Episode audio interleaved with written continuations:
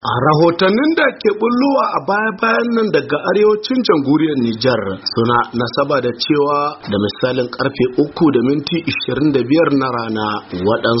mutane da ke cikin wata mota pick up mai launin habɗe-habɗe sun abka ma jami'an da ke kula da yawon sintirin neman masu hasa makamai ko masu hasa mutane ko ma masu hasa miyagun ƙwayoyi a wannan yankin yanda su maharan da ake kyauta zaton su huɗu ne suka kashe biyu daga cikin 'yan sandar da ke cikin wannan rundunar mai yawon sintiri da kuma jandarma ɗaya suka raunana mutum biyu. Ɗaya daga cikin su farahulla ne kamin maharan su arce zuwa iyaka ta algeria da mota ɗaya ta jami'an tsaron. Kuma tuni rundunar sojojin ƙasar tar darkake su maharan domin wato motar da suka yi awon gaba da ita da kuma dakatar da su saboda wannan danyen aikin da suka aikata. Wannan da ya faru ne a wani wuri da ake ce ma asamaka da ke arewa maso